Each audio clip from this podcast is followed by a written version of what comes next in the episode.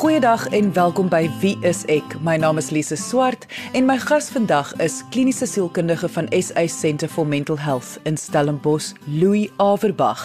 En vandag gaan ons gesels oor selfondersoek. Wanneer jy kyk na jouself en jy vra die vraag, wie is ek? Ons gaan ook kyk hoe terugvoer, terugvoer van ander mense, terugvoer van jou omgewing, watter rol dit in hierdie selfondersoek speel en hoe belangrik dit is. Indien jy enige vrae het oor vandag se onderwerp, kan jy ons kontak deur ons webwerf by www.wieisek.co.za. Maar kom ons luister nou eers na my gesprek met kliniese sielkundige van Stellenbosch, Louis Averbag, oor selfondersoek. Louis, die wêreld sê aanhoudend vir ons dat selfondersoek om die vraag te vra wie is ek is geweldig belangrik. Mens voel amper half skuldig as mens nie amper heeldag en aldag jou tyd daarin spandeer nie. Maar ek weet nie of dit nou verkeerd is om vir 'n kliniese sielkundige dit te vra nie, maar is dit regtig so belangrik? Ja, dit is 'n baie relevante vraag. En miskien word hierdie vraag al hoe meer gevra omdat die wêreld se geestesgesondheid so bietjie in die moeilikheid is. En veral met COVID is ons almal bietjie bewus genade mens kry swaar. En dan kom die vraag soos wat jy sê, maar is dit nou nodig om om bewus te wees, selfbewus te wees? Bewus te wees van jou eie manier van dinge doen of dink of voel. En hoekom is dit nou so vreeslik belangrik? Wel, ons almal wil graag so gemaklik as moontlik leef. En wat ek daarmee bedoel is ons wil so gelukkig as moontlik wees Ons wil so lekker as moontlik voel. Ons wil nie sukkel met wat ons doen nie en ons wil nie sukkel met hoe ons dink nie. Ons wil lekker kan konsentreer, ons wil lekker kan fokus, ons wil lekker kan slaap. Dit is maar wat meeste mense graag wil hê. Noem dit nou maar optimum funksionering sover as wat moontlik is. Almal wil dus lekkerder leef as wat hulle leef op een of ander manier. Wat beteken almal wil eintlik verander of hulle dink dit sal 'n goeie idee wees om te verander met sekere goed. Ons ons kan later praat oor wat beteken dit nou om te verander. Maar eintlik is dit wat dit beteken. As jy ongelukkig is in jou verhouding, dan dink jy ten minste man dit sal lekker wees as dit anders is. Om dinge dus anders te wil hê, moet mens mos eintlik 'n aksie uitvoer om dinge anders te maak dinge word nie sommer anders nie. Ja, die lewe is vol verandering, maar ons almal weet dat mense lewe verander nie eensklaps en dan is dit fantasties nie. Of jou verhouding nie of wat dit ook al is. So so iets moet gebeur. En dis nou 'n baie lang manier lees om terug te kom na jou oorspronklike vraag, maar hoekom is selfbewustheid, self-awareness, refleksie dan nodig? Want so eenvoudig soos dit die verandering kan nie gebeur daarsonder nie. Dit is die eenvoudige punt. Jy, jy kan nie iets van jouself verander as jy nie bewus is daarvan nie. Wat ek wel al agtergekom het is mense sien hierdie woord verandering of hierdie idee verandering as jou hele lewe, alles wie en wat jy is, moet verander. En ons het al gereeld op hierdie program gepraat van daai manier van dink is eintlik verkeerd. Kan jy vir ons 'n bietjie uitbrei daarop? Ja, as mens praat van verandering, praat ons nie van jy word noodwendig 'n ander mens nie. En onthou, dit is belangrik dat verandering is gekoppel aan omstandighede. Dit gebeur in konteks. Jy kan nie daarvan praat van verandering sonder konteks nie. As ek vandag net 3 koppies koffie drink en nie 4 koppies nie, dan is dit verandering.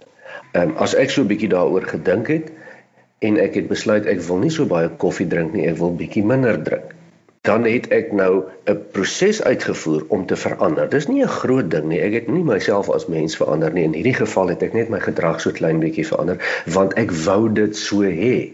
Die voordele is vir my meer as om dit nie te doen nie. En dis verandering.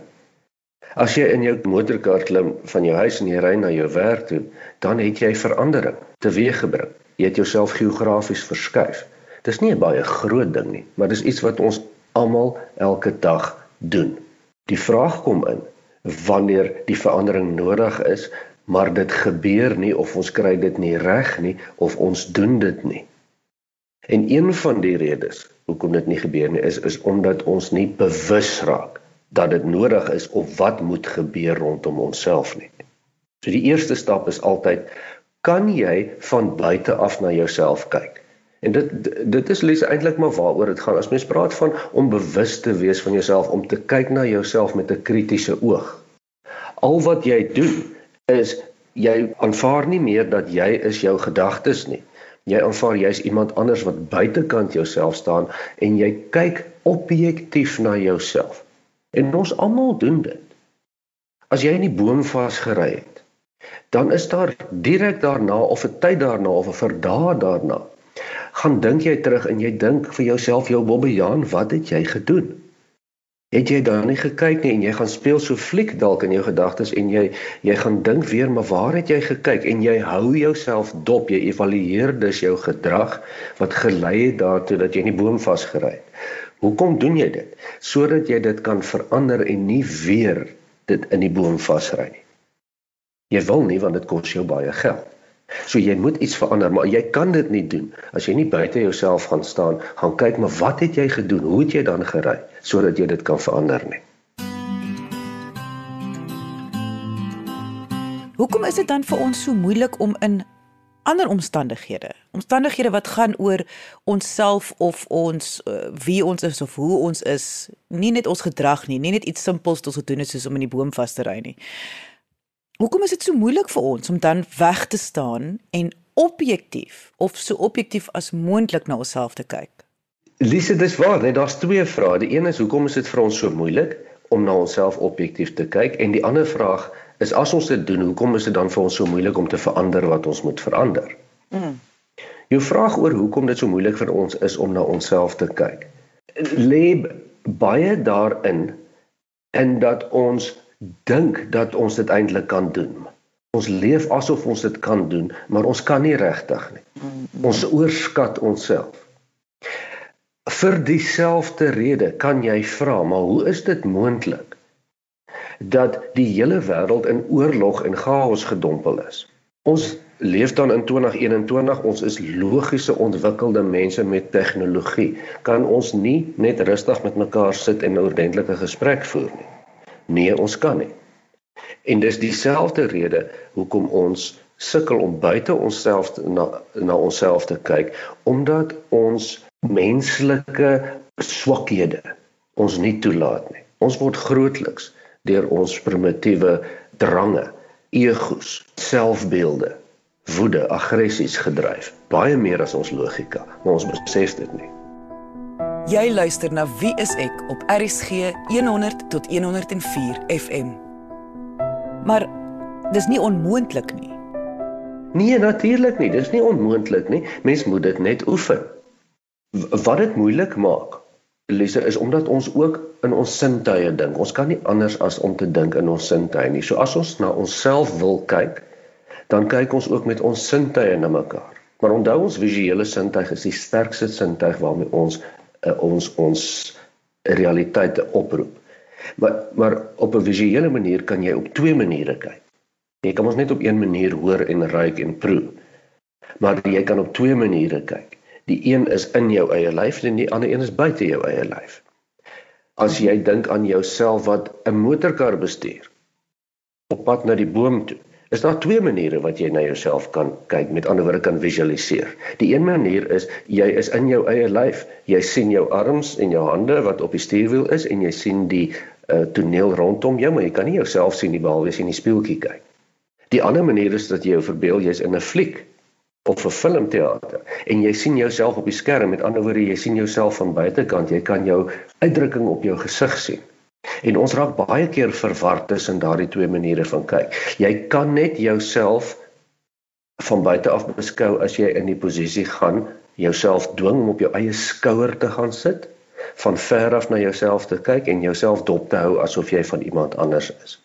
Maar ons as mense is baie meer geneig om in, in ons lywe te visualiseer. So as ons onthou dinge wat sleg was of wat lekker is of selfs net neutrale dinge, dan speel dit speel ons eintlik binne in die fliek af. Selde sien ons onsself. Dis nie ons natuurlike aard nie. Ons moet oefen om dit te doen. Net gou geweer net om seker te maak ons verstaan. Hoekom moet ons dit nou weer oefen? Ons wil dit oefen sodat ons stap 1 van buite af na onsself kan kyk En waarna wil ons kyk?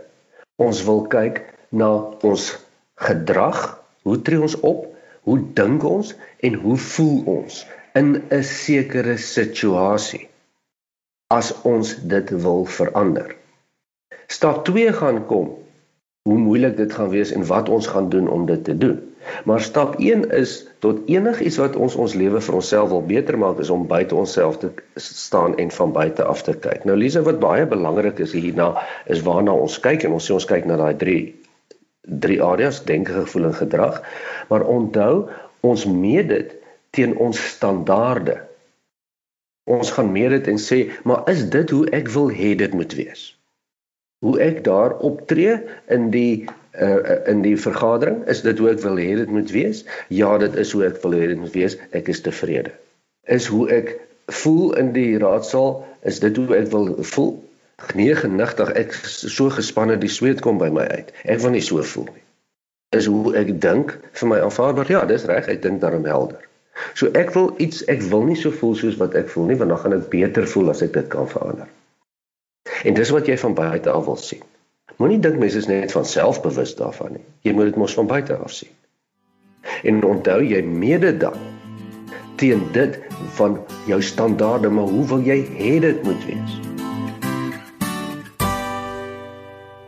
Soos jy vroeër genoem het, ons het almal ons bagasie en ons ons geskiedenis en dinge en ons filters. En dit voel vir my hoe objektief kan jy besluit wat jy wil hê? Wel dit's die ding jy kan slegs dit objektief besef as jy jouself van buite af kyk asof jy iemand anders is. Maar jy vra ook die relevante vraag en uh, die die vraag reflekteer op sielkundige se spreekkamers wat propvol sit van mense wat sukkel met die standaarde wat hulle self het, daardie ideale self.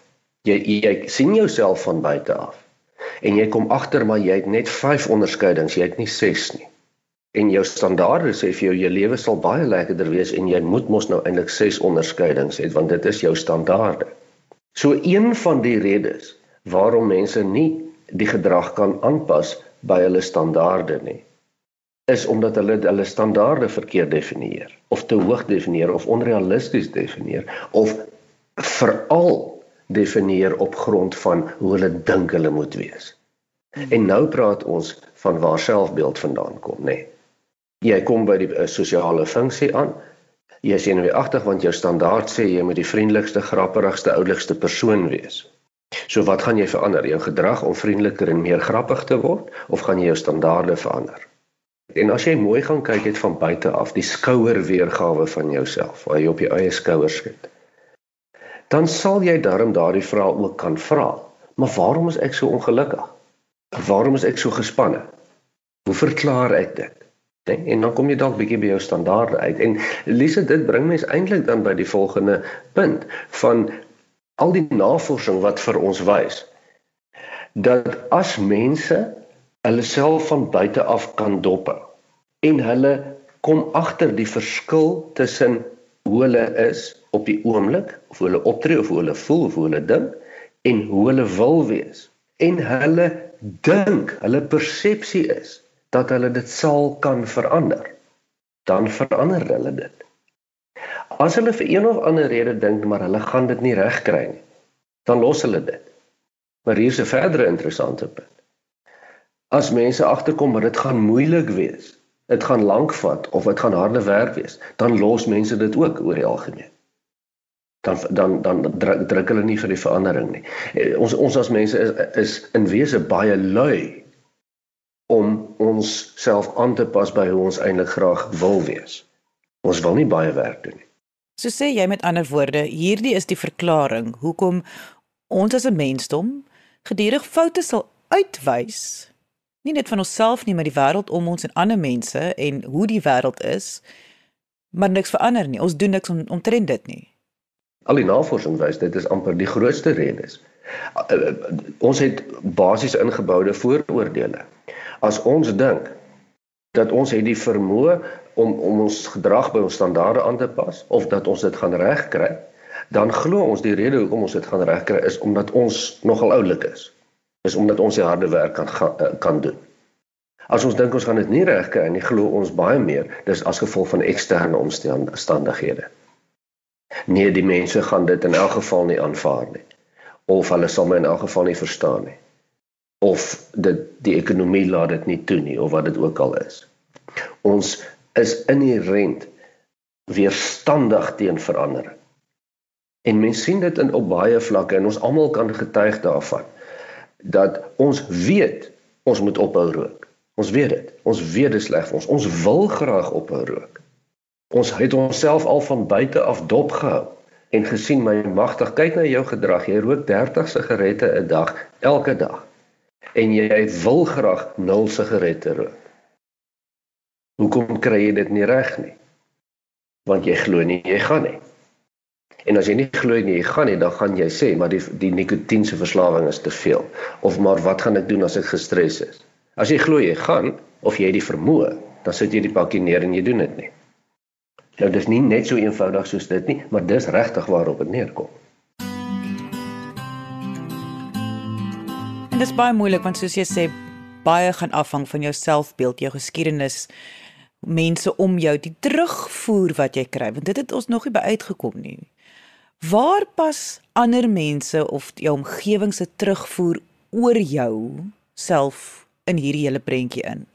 Dit is Lise een van ons grootste worstelinge as mense. Want vir ons om ons gedrag te kan aanpas vir ons eie voordeel. Ek praat nie van vir ander mense se voordeel nie. Ons wil graag ons goed verander. Ek wil ophou rook byvoorbeeld of ek wil lekker ding met mense oor die weg kom dat ons nie heeltyd vir mekaar kwaad is nie, wat dit ook al is. Is terugvoer onontbeerlik. Een van die belangrike aspekte wat mens wat mens moet in gedagte hou vir verandering is dat jy selfbewustheid aan die dag moet lê, jy moet gaan buite staan na jouself. Die ander aspek is terugvoer. Want onthou nou, jy daar's areas wat jy kan sien van jouself en wat jy weet van jouself wat ander mense nie weet nie. Jy's 'n baie goeie oordeel van jouself. Maar daar is areas van jouself wat jy nie kan sien nie. Ons almal het blinde kolle. Gebruik die voorbeeld van wat jy weet en wat ander mense weet en wat jy nie weet nie en wat ander mense nie weet nie van jouself. Almal weet dalk dat jy het lang donker hare. Almal kan dit sien en jy kan dit sien. Maar net jy weet jy het 'n groen tandeborsel, ander mense kan dit nie sien nie. Maar daar's ook 'n area waar mense goed van jou kan sien en waarneem wat jy dit nie kan sien nie. Byvoorbeeld elke keer as jy vir my ietsie sê, dan knip jy jou oog. En dit laat by my die gevoel maar dan weet ek nie, maak jy 'n grap of is jy ernstig nie. Maar jy kom dit dalk nie agter nie. Dis dalk 'n gewoonte wat jy verby het. Nou, hoe gaan jy jy wil verander dat mense jou ernstig opneem want jy's dalk 'n verkoopspersoon. Dan het jy daardie terugvoer nodig van mense wat vir jou sê, "Het jy geweet dit en dit en dit is wat gebeur." En ons het 'n geweldige probleem met terugvoer. Ons as mense, want ons neem dit persoonlik op. Baie mense gee ook terugvoer baie sleg, dit is ook so. Maar ons vra nie vir terugvoer nie en ons hou nie van terugvoer nie want dit reflekteer op onsself. En en weet jy waar kom dit pragtig uit in verhoudings? Moet asseblief nie die tandeborsel so in die middel druk nie. O, jy sê ek kan niks reg doen nie. As jy jouself wil moeilik kry te hê met jou lewensmaat, dan sien mens terugvoer as 'n waardevolle instrument. Dan sê jy, "Oké, okay, maar sê gou vir my, as ek die tandepasta in die middel druk, wat gebeur by jou? Dan vertel jou lewensmaat dalk vir jou dat sy of hy dink dat jy slordig en gee nie om nie en uh uh en dit beteken dat jy oor die algemeen ook nie vir jou lewensmaat omgee nie. Wat ons dan as mense doen, ons gaan stry met mekaar. Ons sê man dit is nie so nie. Hoekom dink jy so simpel? Nee, want ons wil ons egos verdedig. Ons die terugvoer sal wees wat kan ek anders doen sodat ek tevrede is, jy tevrede is dat die situasie my pas, laat ons nie met mekaar kla nie of laat ek beter oor die weg kan kom in die omstandighede. So die vraag is, goed, ek wil nie met my lewensmaat beklei nie, wat kan ons maak? Want lyk my hierdie getandepaste drukkery om een of ander rede maak maak hulle nou vies. En dit gaan nie daaroor dat dit reg of verkeerd is nie. Terugvoer is baie spesifiek in 'n sekere omstandighede. Enige persoon wat gaan om vaardighede te ontwikkel, kan dit nie doen sonder terugvoer nie.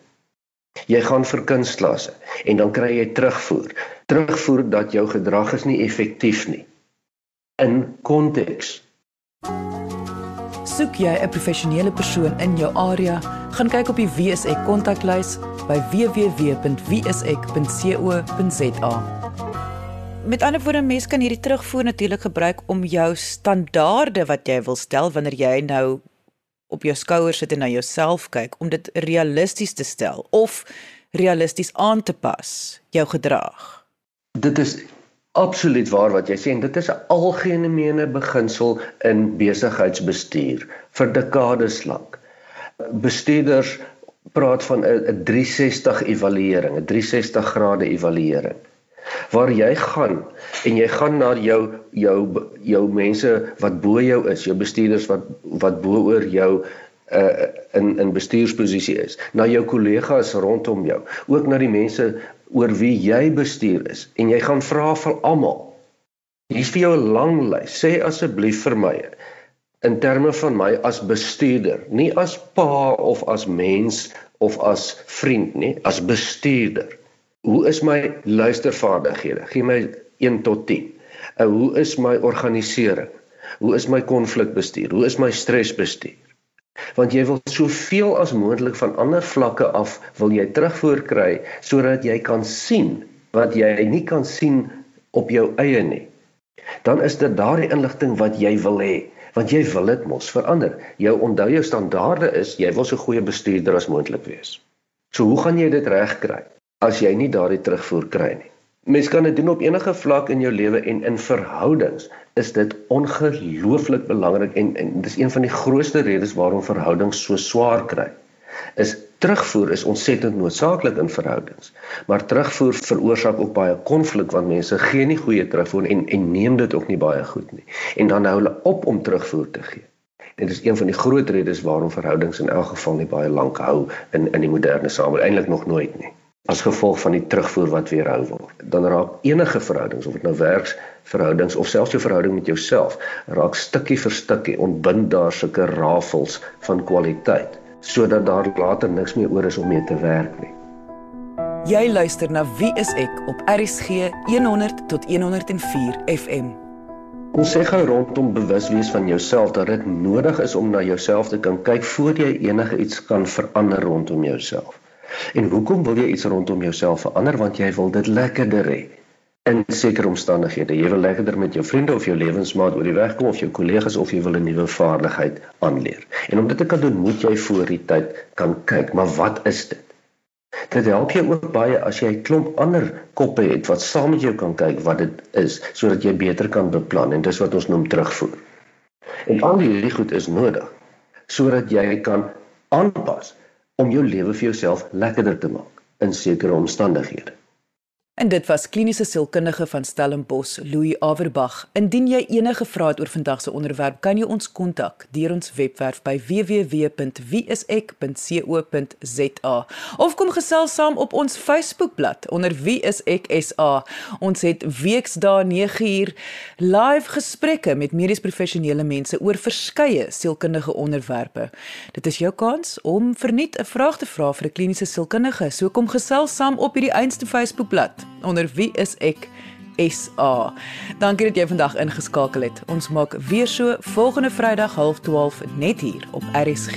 Jy moet 'n heerlike naweek hê en onthou, kyk mooi na jouself.